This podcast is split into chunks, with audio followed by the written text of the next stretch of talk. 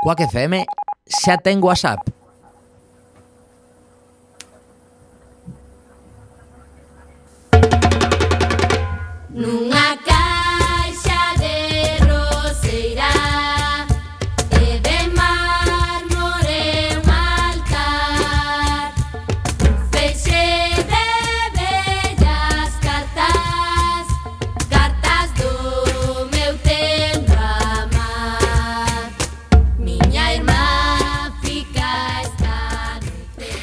Moi boa tarde, xa estamos aquí de volta. Benvidas e benvidos a este espazo radiofónico semanal dedicado á cultura que facemos en rigurosísimo directo. Son exactamente as 7 da tarde aquí en Coac FM, xa sabedes, a 103.4 a Radio Comunitaria da Coruña. E...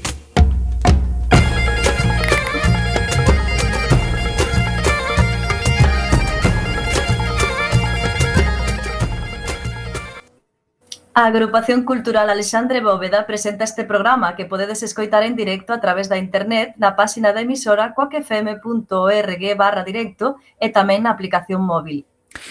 Eh, non nos viñades con excusas porque non nos sirven, eh, compañeiras. Podedes descargar, ademais, todos os programas xa emitidos no Radioco, xa sabedes que xa un mega podcast da nosa emisora, ou tamén, pois por exemplo, outra das formas é no Google Podcast, se nos buscades por aí, ou na redifusión tamén de Coac FM que será os mércores ás 8 da mañá, os venres ás 4 da tarde e na madrugada do domingo ao luns ás 12 da noite. E a partir de agora, seguídenos nas redes sociais, tanto deste programa recendo como da propia agrupación cultural Alexandre Bóveda, que teñen abertas as súas canles en Instagram, Twitter e Facebook ou na web www.acalexandrebóveda.gal.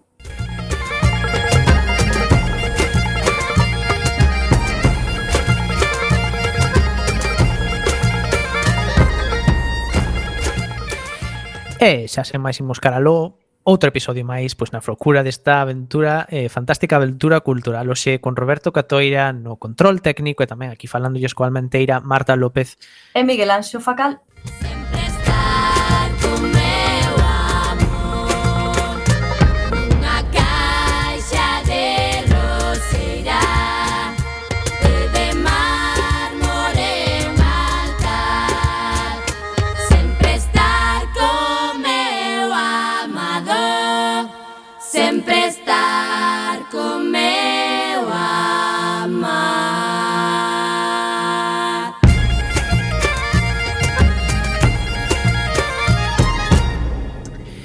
Como con non quera cousa estamos chegando ao programa número 300, número 400, este é o 399. Hoxe contaremos como convidado con Javier Pérez Buján, director artístico da Fundación Laxeiro, aproveitando ademais que dentro duns días se lle adica a este lendario pintor o Día das Artes Galegas 2022. E xa sabedes que, como sempre, eh, neste programa pois falaremos das actividades da nosa agrupación e das outras cousas que se fan na Coruña e na Galiza e que, bueno, tamén son cultura.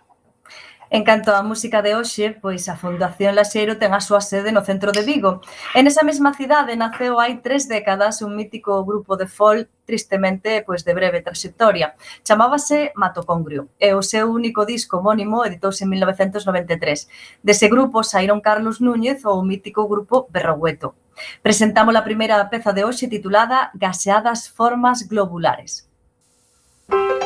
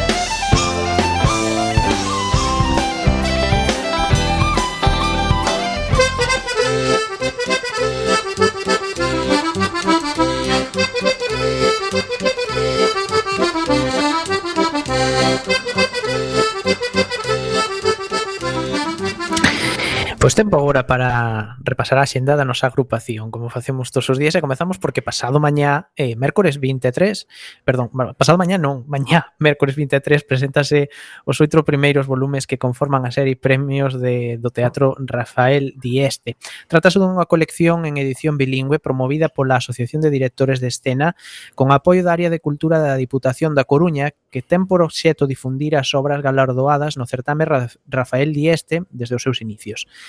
Na presentación participarán o dramaturgo Manuel Lourenzo, un dos galardoados co Rafael Dieste, a presidenta da Asociación Cultural Alexandre Bóveda, María Xosé Bravo, e o codirector de publicacións das, da Asociación de Directores de Escena, Manuel Vieites, e tamén estará o deputado de Cultura, Xurxo Couto. Será a sete e media no noso local. E agora sí, pasado mañá, xoves 24, Diego Ribadulla falaranos do papel da literatura galega na recuperación da memoria histórica. Diego Ribadulla Costa é licenciado en Filoloxía Hispánica e graduado en Galego e Portugués, Estudos Lingüísticos en Literatura pola UDC, doutor en Estudos Literarios, actualmente investigador postdoutoral no Grupo Illa da Universidade da Coruña. Esta actividade forma parte do ciclo Aula Aberta, con sesións tamén en abril, maio e xuño. Será ás 19.30 horas no noso local o lunes 28, eh, o día seguinte da celebración do Día Mundial do Teatro, Jorge Castro Russo ofrecerá no noso local unha palestra sobre os teatros da Segunda República. Jorge Castro Russo é bibliotecario e director do Club de Teatro da Biblioteca Municipal Sagrada Familia. Foi actor amador, actor de radio de teatral e monitor teatral. E será esta palestra ás eh, 19.30 horas, ás 7.30 na Rúa Olmos, onde está o noso local, xa sabedes, número 1618, estamos no primeiro andar.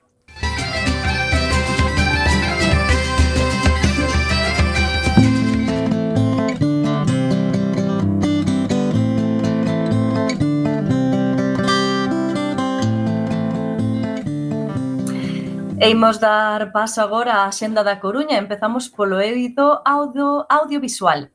Esta semana no Foro Metropolitano proxectan dúas películas ben interesantes. A primeira é O Pai, protagonizada por dous dos mellores actores do mundo, Anthony Hawkins perdón, e Olivia Colman, en estado de graza permanente.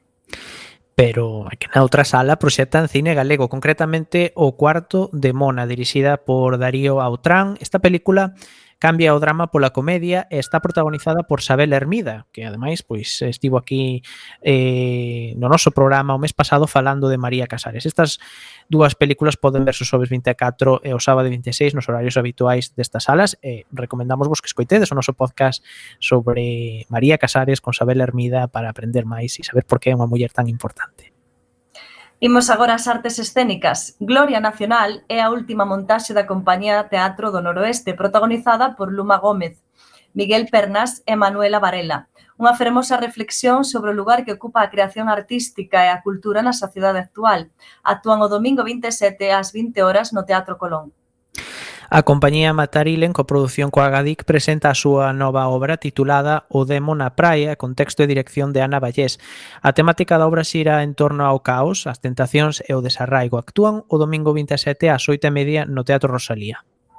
Non sempre se poden ver espectáculos de maxia dirixidos á rapazada a partir dos 4 anos, pero a maga Fanny presenta a Fábrica de Feitizos para intentar deslumbralos. Será o domingo 27 no Teatro do Andamio, con sesións ás 12.30 e ás 18 horas. Se o que queredes en música, pois anotade isto porque para consumar ah, o xiro que as tanxogueiras lle deron á súa carreira musical, presentan o seu novo disco Midas con cancións como Terra, Figa, Telo ou Midas. O escenario tampouco é nada habitual para a música galega, queremos decir, porque podedes velas o sábado 26 ás 10 na Sala Penícano, así que ali, Sala Pelícano, ali podedes ir a turuxar e segue o ciclo de concertos da Orquesta Sinfónica de Galicia, nesta ocasión dirixida por Josep Pons, que interpretará pezas de Rossini, Schrecker e Richard Strauss. Actúan o xoves 24 ás 20 horas no Pazo da Ópera.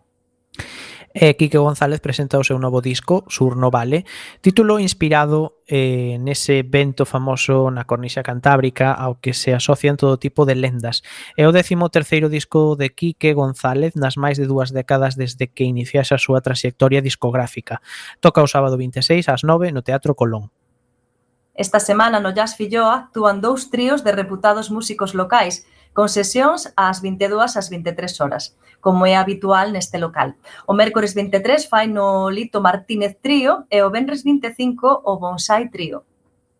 En canto a conferencias, pois queremos mencionar a do Nodo, eh, o Nodo, eh, acrónimo de Noticiario Documental, foi o organismo de propaganda cinematográfica do réxime franquista e eh, a través del inventar, inventáronse, promocionáronse pois un gran número de arquetipos sobre Galiza. Isto converteu, no, converteu ao nodo nun potente aparato de representación cultural. E diso precisamente falará a antropóloga, be, a antropóloga Beatriz Mato Miramontes nesta palestra organizada pola Asociación de Veciños da Agra, a que podedes asistir o Benres 25 ás 8 no Ágora.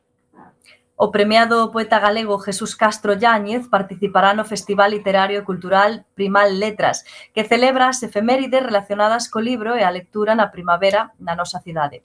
A súa obra foi adquirida polo Club Queer Quiruña a proposta das propias persoas participantes e foi lido nos seus, no, nos seus dous grupos. A lectura terá lugar o sábado 26 ás 12.30.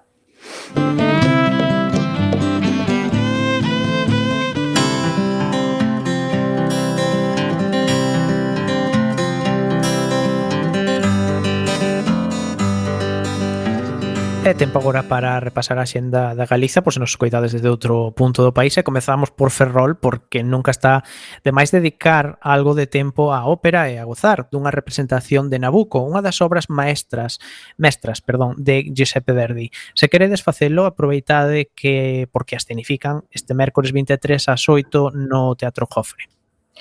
En Lugo, outra historia clásica e moi socorrida é a do Ciumento Otelo, creado por William Shakespeare. Ahora ben, Se esta historia cae nas mans da directora Marta Pazos e a súa compañía Boadora, nada vai ser o mesmo. Podedes velo venres 25 ás 20.30 horas no Auditorio Gustavo Freire. León Benavente é un grupo de indie rock formado no 2012 xurdido nunha reunión de catro veteráns músicos, Abraham Boda, Eduardo Baos, Luis Rodríguez e César Verdú. Cos seus dous anteriores discos se consolidaron no panorama nacional e agora sacaron Vamos a volvernos locos. Tocan o sábado 26 ás 9 horas no Teatro a Fundación de Vigo. E imos a Pontevedra, A organización Nautilus é o último disco de Os Resentidos, onde invocan a fantasía do tesouro oculto na ría de Vigo, co capitán Nemo navegando polo estreito de Rande. Actúan o Benres 25 ás 20.30 horas na Sala Karma. Triunfadores da temporada cun dos éxitos do verán, típica cara, novedades Carmiña, que recentemente anunciaron que tomarán un descanso, volve á súa casa pois para seguir coa xira do seu último disco titulado Ultra Lixeiro. Actúan este sábado 26 a 8 no Multiusos do SAR en Santiago de Compostela.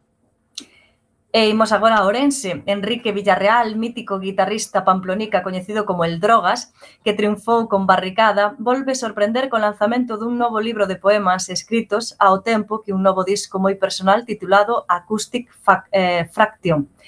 Eh, presenta o novo material o Benres 25 ás 21 horas no Auditorio Municipal. E para terminar, de novo, escollemos compañía convidada en toques dunha vila concreta porque Talía Teatro comeza a xira para representar unha nova montaxe dun clásico do teatro italiano, Morte accidental dun anarquista de Darío Fo. Actúan o Benres 25 en Boiro e o sábado 26 en C. Consultade os horarios e as salas, pois, para máis información.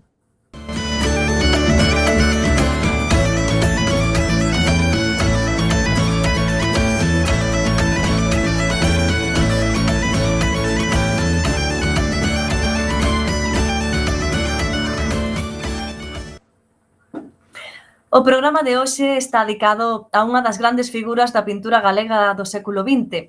Estamos a falar do pintor José Otero Abeledo, coñecido por todos vós polo seu alcume, é dicir, hoxe imos, a descu hoxe imos descubrir un pouco máis da figura de Laxeiro, nado en Don Ramiro, unha parroquia de Lalín, no ano 1908, foi un dos integrantes do grupo de artistas coñecidos como os renovadores. Dentro do grupo, ademais do propio Laxeiro, atopamos artistas tan fundamentais como Isaac Díaz Pardo, Carlos Maside, Julia Minguillón ou Manuel Pesqueira. Xuntos foron capaces de coller a tradición e a cultura galega e lanzala cara á modernidade, mesturándoa coas vanguardas das épocas de entreguerras e o arte do norte de Europa. A arte de Laxeiro, co paso do tempo foise abrindo a unha pintura moito máis abstracta e conceptual, tomando como referencia o cubismo e o traballo realizado polo seu admirado Picasso. Laxeiro é unha figura fundamental para a arte galega, pero os seus anos de exilio en Bos Aires convertírono tamén nun referente para o arte argentino. A súa integración na vida intelectual e cultural foi tal que foi elixido vicepresidente da Sociedade Argentina de Artistas Plásticos no ano 64. Despois de case 20 anos de exilio, volta a Galicia no ano 70 e establecese, establece un estudio no seu Lalín natal, máis outro en Vigo e outro en Madrid cidade que xa coñecía dende a súa época de estudiante na Real Academia de Belas Artes de San Fernando. Nesta época é merecedor dun prestixio incontestable, aumenta a exposición da súa obra e manténse fiel ao seu rexeitamento do estilo único, que abarca dende unha figuración granítica ata o expresionismo colindante co abstracto. Laxeiro morre no ano 96 á idade de 88 anos. Tres anos despois creábase a Fundación Laxeiro en Vigo, en acordo co Concello Líbico e a familia do artista. O principal obxectivo é a conservación, a custodia e a difusión da colección permanente doada por Laxeiro ao Concello de Vigo xa contamos bastantes cousas, pero para falar máis sobre Laxeiro e sobre a súa fundación, hoxe contamos co seu director artístico, conectamos con Vigo e con co xestor cultural Javier Pérez Buján. Moi boas tardes, Javier. Hola, boas tardes, Miguel. Que tal? Que che pareceu esta pequena introdución que fixemos de Laxeiro? Bueno, estáis bastante documentados. Eh, había algunha imprecisión, eh, como os nomes que dixechedes no grupo dos re renovadores, artistas como Julia Miñillón, por exemplo, non, non, non, non está considerada dentro dese grupo, aínda que sí que tiña unha, unha obra bastante anovadora para a súa época, non se movía dentro da, da órbita do que que estaba próximo ao Partido Galeguista, ese proxecto renovador diferenciado da construcción dunha estética propia nacional galega e o viaxe des outros nomes fundamentais como Colmeiro, Arturo Souto, mesmo Luis Sebane, que dende Bos Aires uh -huh. fixo tamén de, de bueno, dun membro moi, moi, moi activo, eh, Candio Fernández Mazas, por exemplo, e algún outro máis. Pero bueno, bueno agora, eh, estaba moi ben. Genial, porque agora imos ir ao detalle, agora nos vas contar ti todo sobre Laxeiro, pero para comezar gustaríanos saber pois mm, se lembras cal foi a primeira eh, obra que coa que te atopaches de laxeiro? Cal foi a primeira que, que viches que, que te chamou a atención? Pois fíxate, nunca nunca o, o pensar destes estes días. Eh, recordo unha visita ao Museo Quiñones de León nos anos 80, creo que era. Eu era estudiante universitario aínda. Eh, no Museo Quiñones de León está parte de, da obra que laxeiro dou a cidade de, de, de Vigo. E recordo que me impresionaban moito dous cadros da mesma época, pero ben diferentes en canto a estilo e a linguaxe, como era Nenos xogando Un óleo sobre tea do 67, tremendo, tenebrista, moi siniestro, onde un neno pequeno está aforcando a tres adultos, non sabe se son monecos ou se son persoas reais, non? E o carón dese cadro había un cadro inmenso de dous metros, que era campesiños do ano 66, que tiña unha estética moito máis tradicional, unha estética máis máis fi, figurativa que tiña moito máis que ver con eso que falaba desvós da, da estética gra, gra, granítica que tanto practicou nos anos 30 e 40 e ver eses dous cadros un o carón de outro e ver que eran do, do mesmo autor recordo que me impresionaba moito. Uh -huh. eh, vamos, que che causou unha sensación que te deixou sorprendido, non? Bueno, eh, sí, descubrín un artista galego por, por entón non, non me dedicaba ás artes plásticas, dedicábame máis ben ás artes escénicas, pero fíxome pensar en que nesa peculiaridade que ten a, o, o mundo de Laseiro, non? Eses mundos que é capaz de crear en cada, en cada cadro. Uh -huh. Eh, falando xa un pouco máis da fundación que tamén a mencionamos na nosa introdución, xa dixemos que era pois eh, entre un acordo co Concello e tal. Eh, contanos un pouco como foi pois este acordo, como como surdiu a Fundación Laxeiro. Bueno, eu aínda non andaba por ali, eso foi antes de estar eu, eu entrei, gañei a, a plaza por concurso público no ano 2000, pero sei que foi un acordo, efectivamente, como decíades na, na, na introducción, no programa foi un acordo en principio entre a familia e o, e o Concello a partir da doazón que Laseiro fai dunha serie de obras que hoxe conforman a colección permanente que se pode ver na, na, na Fundación Laseiro, é un grupo de obras que están tamén no Museo Quiñones de León e penso que na, que na Pinacoteca eh, Fernández del, del, del, Riego. A partir de aí, bueno, sentáronse a, a, a falar, a familia por unha banda e o Concello por outro, e chegaron ao acordo de que o millor para que esa colección non, non quedara nunha doazón máis nun, nun grupo de, de obras que se sumarían ao patrimonio municipal e para dinamizar esa colección e non só esa colección, sino toda a obra de, de Gaseiro, o seu pensamento, eh, a, a súa figura, pois acordaron eh, eh, fundar eh, o que hoxe a Fundación Laseiro, na que entraron tamén como membros do, do Padrado outras institucións, como sabedes, como é a Xunta de Galicia, o Concello uh -huh. de Lalín, a Deputación de, de, de Pontevedra, e así así foi o, o, o inicio da, da, da Fundación Laseiro. Eh, sabemos se era unha idea que tiña el ou foi algo a posteriori xa? Bueno, el falou en algunha ocasión que se algunha vez había un museo co seu nome ou unha institución co seu nome, non sei se falaba de fundación ou non, o que sí, que, eh, no, no, no que sí insistía moito que non quería que fora un mausoleo sobre a súa figura, senón que tamén fora un espacio cultural que eh, tivera os ollos atentos a, ao acontecer artístico e, e cultural do momento cunha principal atención, o principal cuidado aos artistas emerxentes en Galicia, porque el, pola súa xeración, pola súa idade, eh, pasou no mal, costolle moito eh, acabar dedicándose ao mundo da arte, non? Entón, sempre teña unha sensibilidade especial de cara aos artistas máis novos que el, e, de feito, en conversas, en múltiples conversas con artistas máis novos que el, casi todos coñeceron a Lexeiro, casi todos teñen un, un, un recordo para el, non? Uh -huh. eh, boas tardes, Javier. Eu Hola, quería Marta, boas tardes. Hola, quería preguntarche eh, con cantas obras conta a colección permanente da a Fundación de Laxeiro?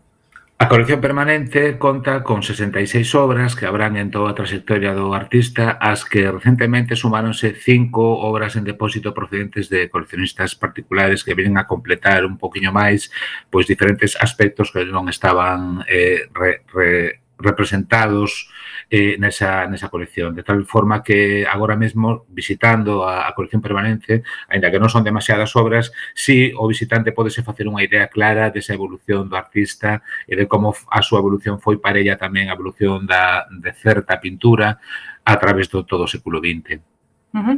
E a orixe destas diferentes obras, bueno, se nos dixeches que algunhas eran, bueno, son aportacións Ah, son todas da, da legado non da familia, hai aportacións privadas, Sí, como bueno, te decía, eh, son obras que eran propiedade do, do, do artista e o artista decidiu eh, facer da, dar, dar ese paso de doar a cidade de, de Vigo un pouco tamén como agradecemento á cidade que o acolleu primeiro nos anos 40 nun momento complicado no que a xente de esquerdas ou a xente próxima ao Partido Galeguista estaba perseguida por unha represión feroz do bando triunfante na, na, na, na Guerra Civil.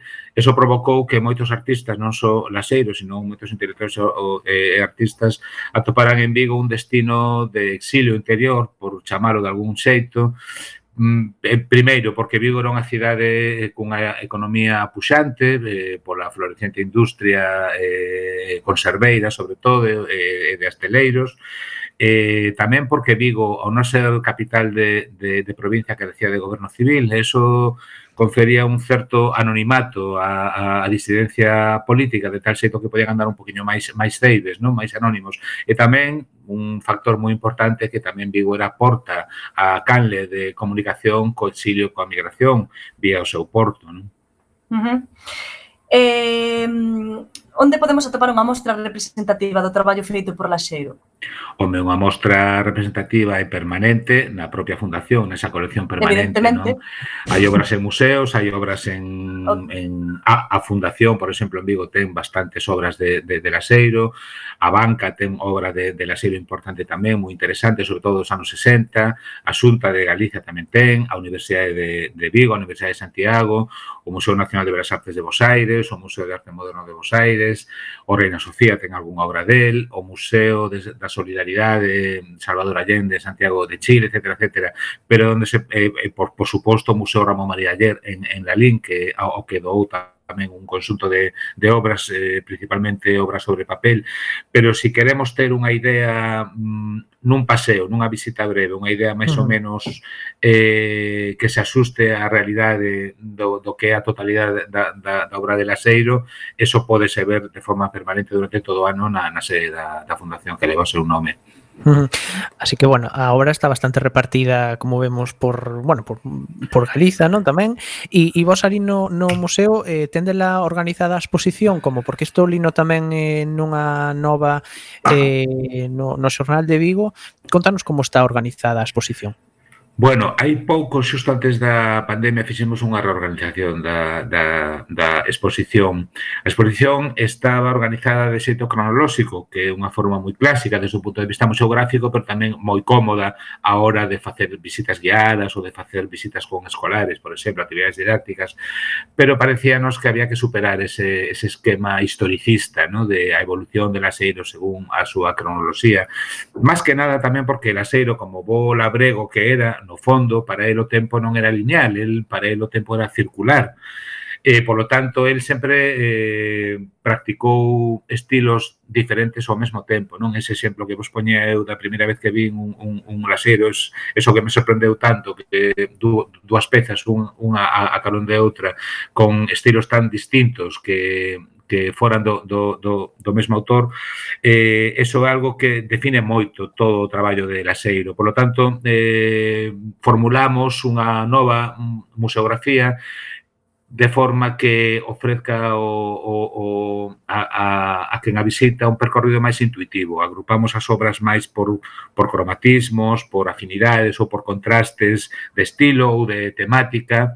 E logo, si, sí, fixemos unha sala cunha liña de, de vida, de tal xeito que de forma moi visual podes ver eh, cronolóxicamente os principais fitos da, da, da súa carreira, non? Pero o resto da, da exposición onde, onde están as obras, as obras están colgadas en unha relación directamente cronolóxica, aínda que hai algún capítulo que sí que está, hai un capítulo, por exemplo, dedicado ao retrato, ao xénero do retrato que efectivamente sí, empeza nos anos 30 e remata nos anos 80, non?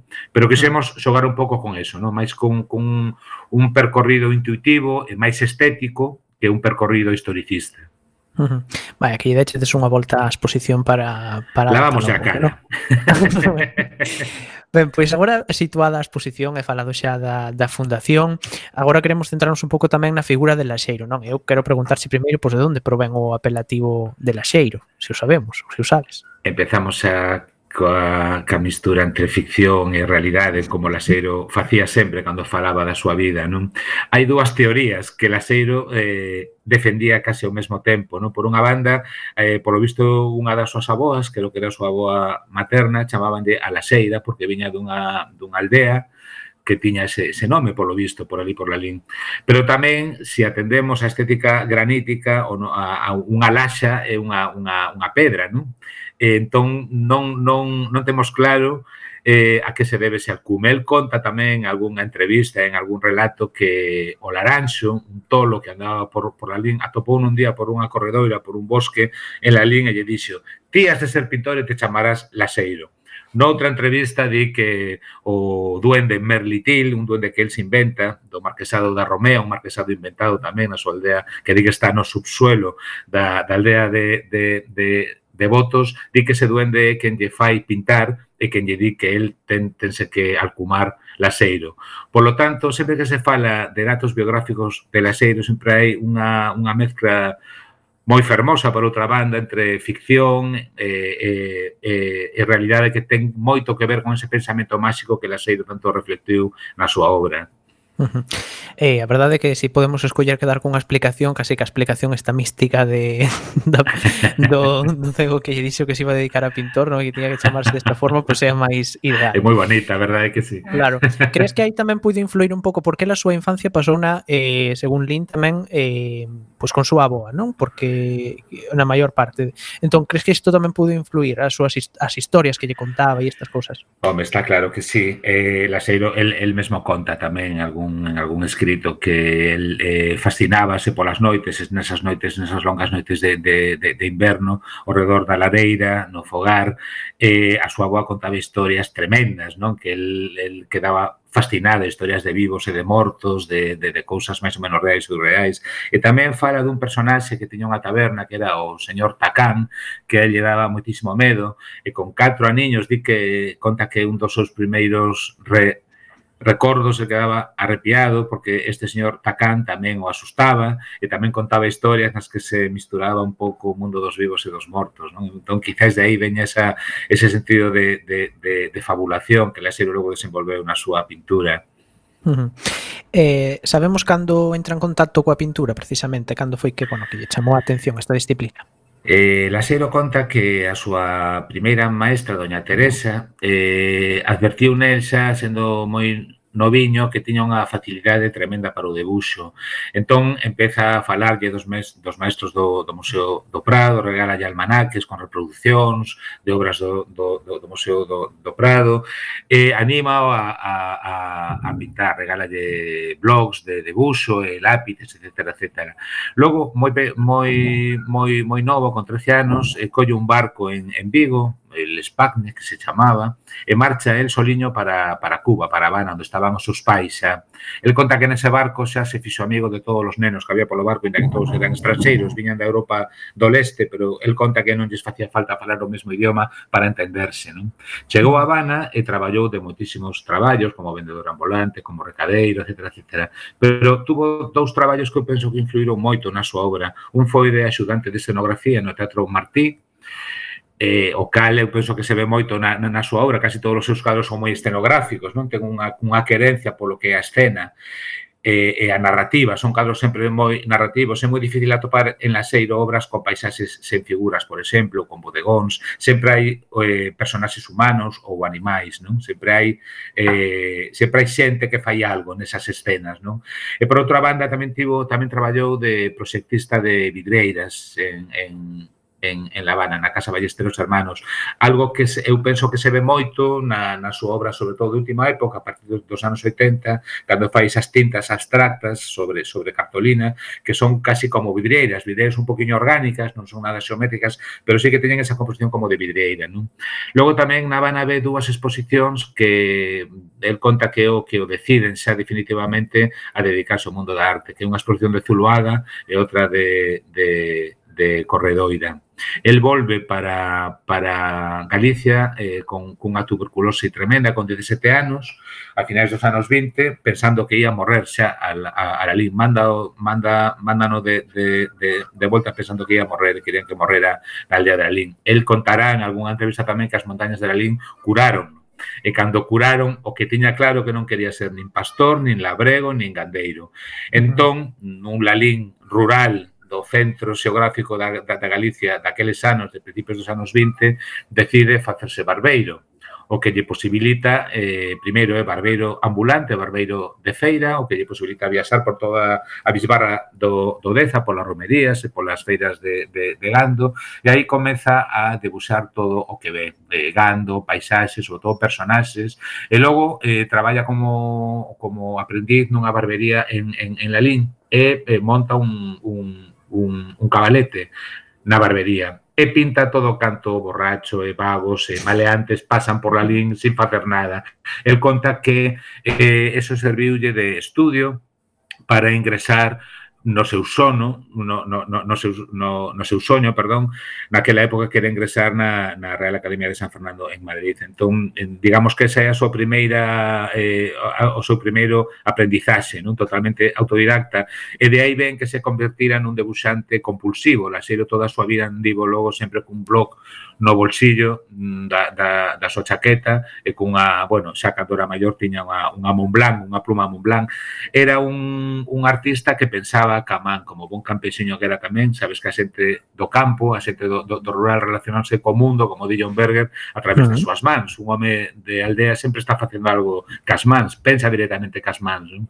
Pois Laseiro aborda o que facer artístico tamén así, directamente eh, utilizando as mans como elemento de pensamento e de ensayo horror. Non? De feito, un artista que raramente eh, recurre ao, a, aos bosquexos, sino que pinta directamente a obra final. ¿no? Mm. Diso che quería preguntar, bueno, está relacionado co que che quería preguntar agora, porque polo que nos levas dito, pois parece que Galiza, digamos que o mundo rural, non, pois a súa familia tamén, eh, as lendas, todo iso influiu moito na súa obra, non? En que, en que aspectos da obra de Laxeiro, pois dirías ti que podemos atopar a cultura e a tradición galega, por exemplo? bueno, eu diría que en toda, mesmo na súa obra que parece non referenciar, como é a obra abstracta, non? José Ruibal, na primeira monografía que se escribe sobre Laseiro no ano 50, eh, fala de, da lei de máximo contacto, que el di que ven do, de, de de Mesopotamia. Se si nos fixamos nas obras de Laseiro, moitas delas sempre hai grupos de personaxes que están eh, en contacto físico pola maior superficie posible, están como pegados todos, agrupados, mesmo nas obras eh, abstractas. Non?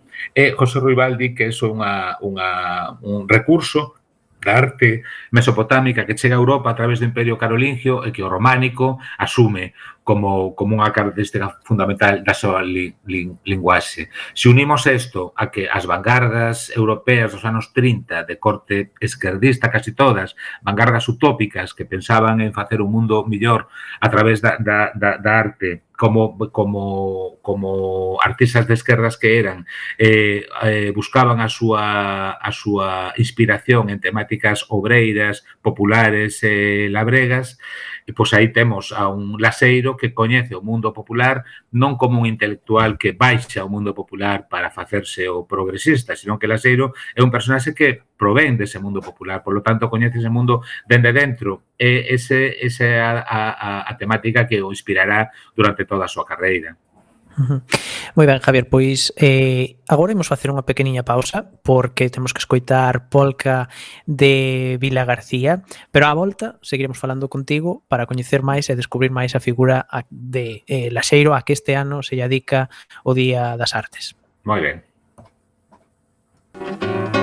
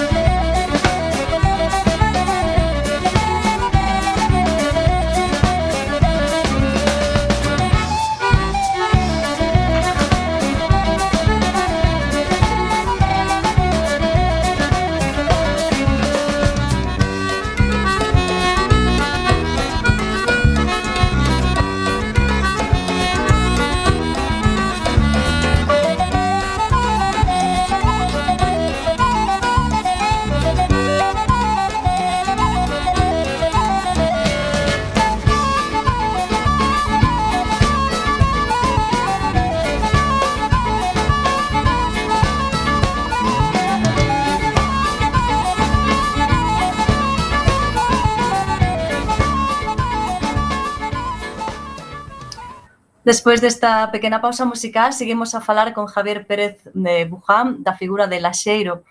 Eh, eu quería preguntarche non como foi a evolución de Laxeiro co paso do tempo, desde estes comenzos aí en, de Lalín hasta que pasou por, pola Academia de Belas Artes de San Fernando. Bueno, contanos un pouquiño.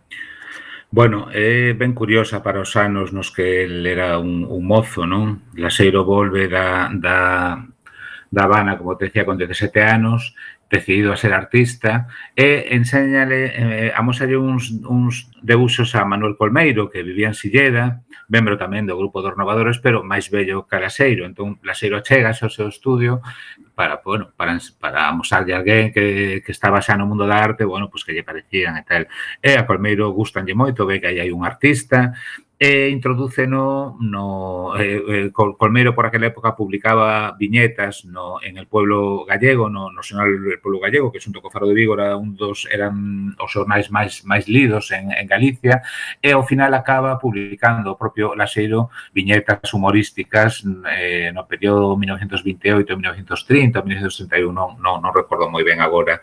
E é moi curioso como un artista de vocación moderna como Laseiro fai o seu traballo profesional digital nun medio totalmente contemporáneo naqueles anos como era a prensa, non? A prensa escrita que era moi leída, era o, o internet daquel momento, non? Todo o mundo obreiro lía a prensa, a burguesía lía a prensa, etc, etc. Entón, adquire xa un certo renome eh, cando Laxero tiña pois, 22 anos, 23 anos. Non?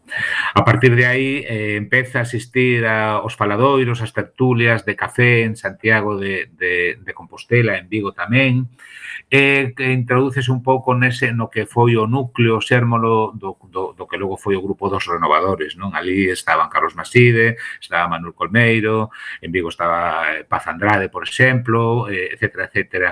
Entón, aí empezan xa a falar de, bueno, eh, sobre problemáticas de sobre arte, non? Arte que, que, que facer, que facer en Galicia eh, eh, en, en arte, que facer novo, non?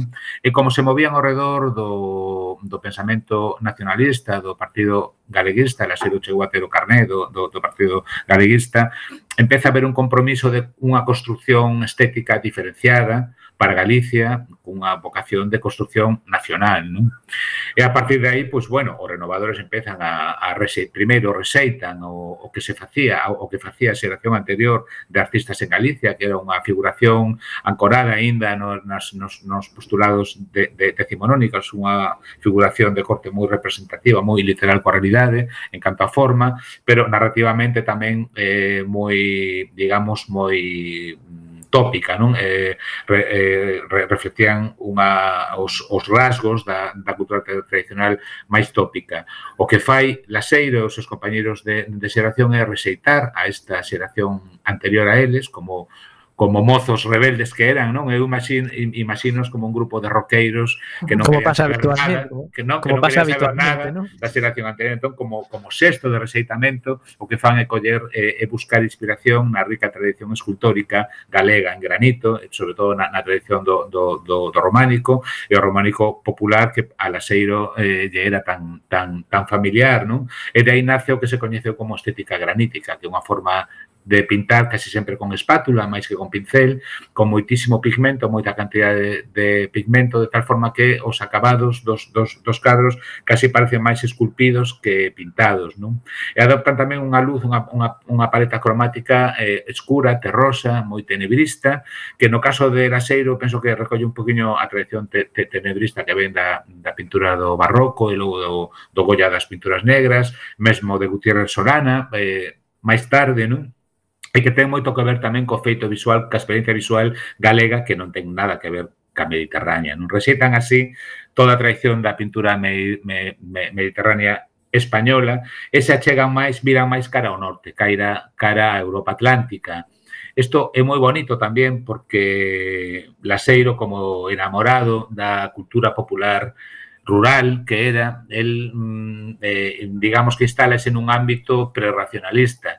Entón, eh, o que nos narran as súas obras, esas, esas escenas que son medio máxicas, medio reais, medio, medio surreais, medio oníricas tamén, non? Teñen moito que ver con ese pensamento máxico de todas as culturas rurais europeas, sobre todo do, do, do, do norte de Europa, anteriores a, a, a ilustración.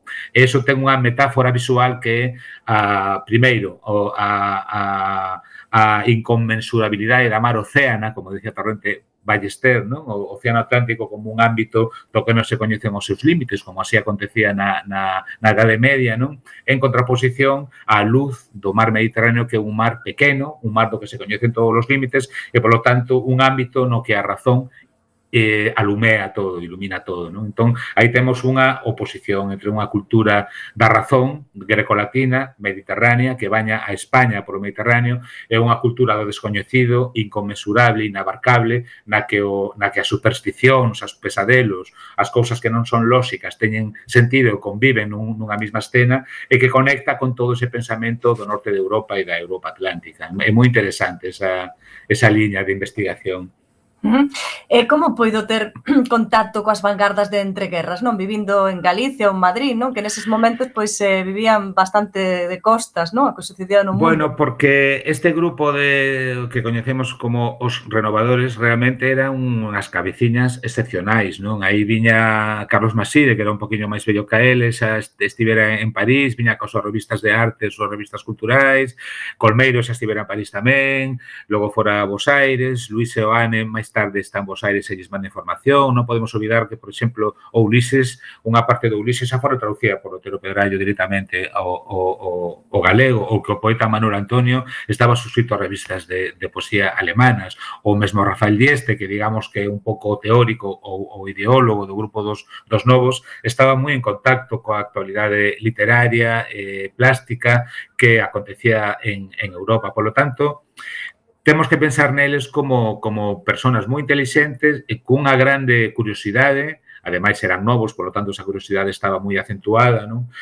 E nese sentido non se, non se conformaban con que tiñan ao redor, senón que querían ir máis alá. Falando un poquinho do que me preguntabas, Marta, de como foi a evolución de Laseiro.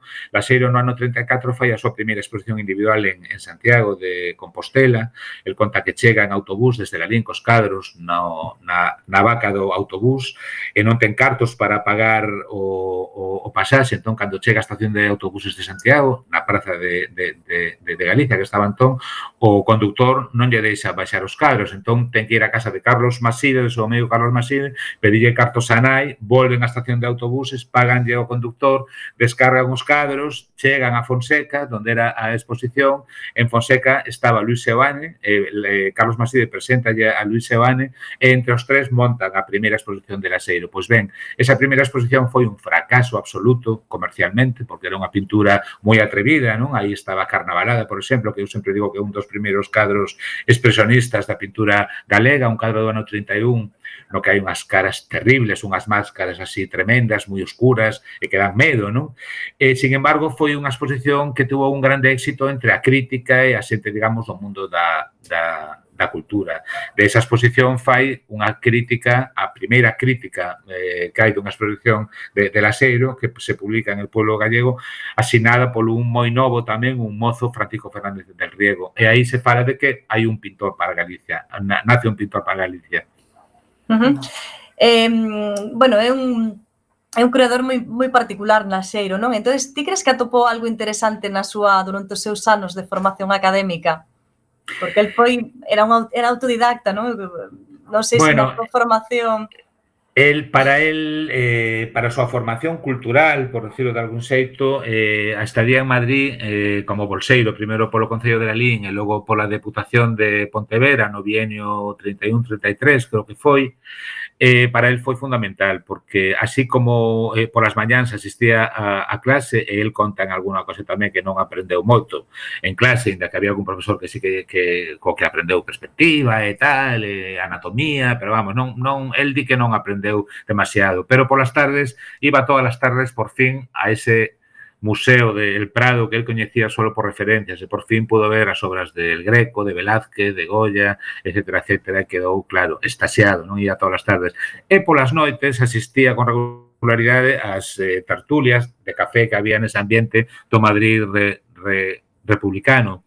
Entón, ali, digamos que colleu o seu barniz eh, cultural, non? a súa sensibilidade eh, formouse, a súa sensibilidade cultural formouse nese ambiente do Madrid republicano republicano de Gómez de la Serna, de Castelao, que por, por, por aquel entón era diputado en Cortes en Madrid, Valle Inclán, García Lorca, eh, Rafael Dieste, que estaba eh, Rafael Dieste ou, ou eh, creo que Blanco Amor era que estaba, estaba, estaba, estaba, tamén por Madrid. Por lo tanto, el cando volve a Galicia despois dese bienio en Madrid, volve xa, digamos, cunha cultura, cun, cunha idea das, das, das, das cousas en xeral, sobre a vida, sobre o mundo, sobre a cultura, bastante rica e moi afín a sensibilidade que poderíamos decir da, da xeración do 27, por exemplo, non?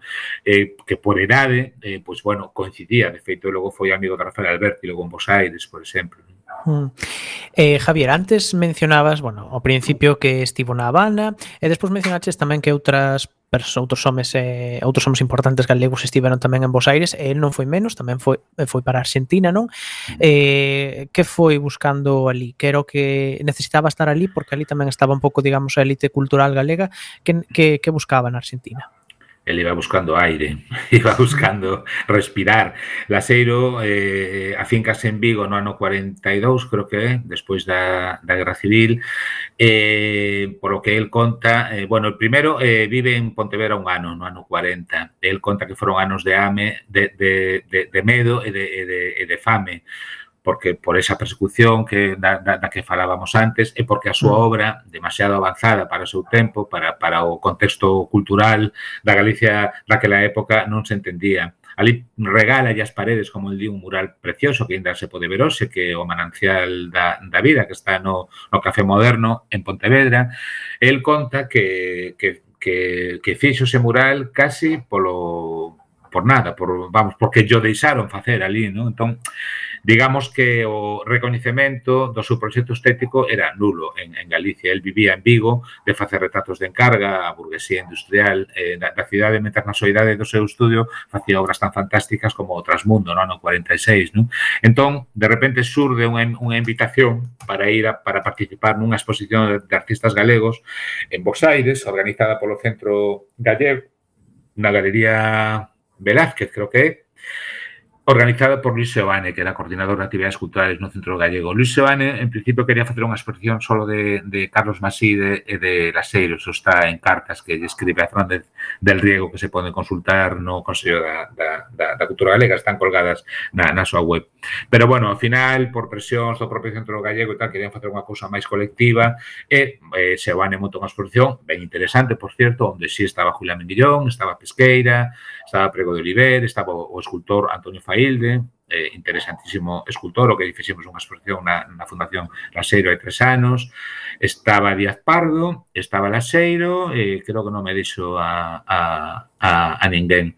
Laseiro é o único que asiste personalmente a esa exposición. E en cartas que lle escribe a, a, a Sebane, eh, desde o primeiro momento el ten a idea non de quedarse 20 anos como finalmente quedou, pero sí de ir co, co digamos, ca disculpa de ir á inauguración da, da exposición, pero que era unha temporadiña por ali para, bueno, para ver que se, que se, que, que se cocía por Bos Aires. Hai que ter en conta que Bos Aires de principios dos anos 50 era unha das capitais culturais de, de Europa. Entón, efectivamente, el chega a Bos Aires e non, non, non quere volver. Hai un cadro do ano 52, un autorretrato do ano 52, que ilustra moi ben o impacto que Bos Aires causou nel, porque ese autorretrato eh, comenzara o en, en Vigo a estética uh -huh. granítica, característica del de, deses anos e remata en Bos Aires con, con a linguaxe xa totalmente nova, unha linguaxe casi abstracta, moi sexual, moi expresionista, que conecta con, con artistas como Dubuffet, por exemplo, da arte francesa, etc. etc. Uh -huh.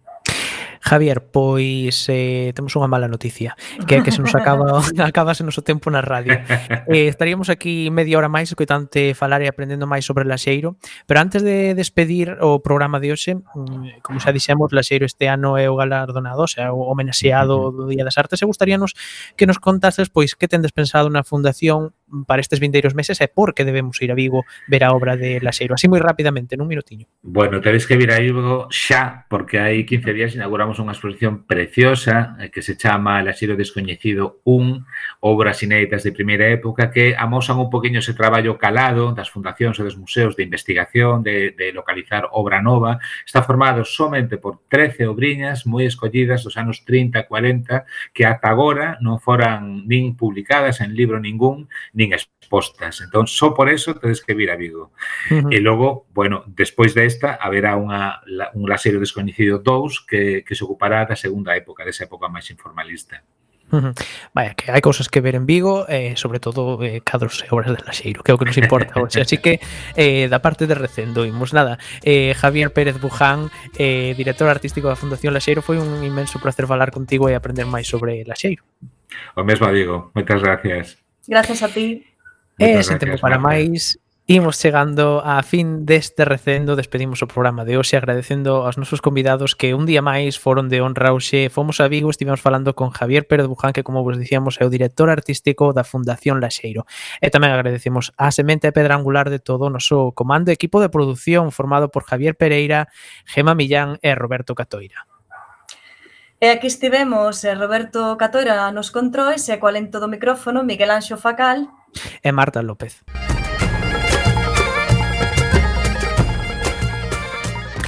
E acompañándote neste recendo de palabras e de imaxes radiofónicas que nos traen este aroma cantado na nosa lingua e que nos permite hoxe tamén no futuro a permanencia da palabra, da música e da implicación e o compromiso coa nosa nación, a Galiza.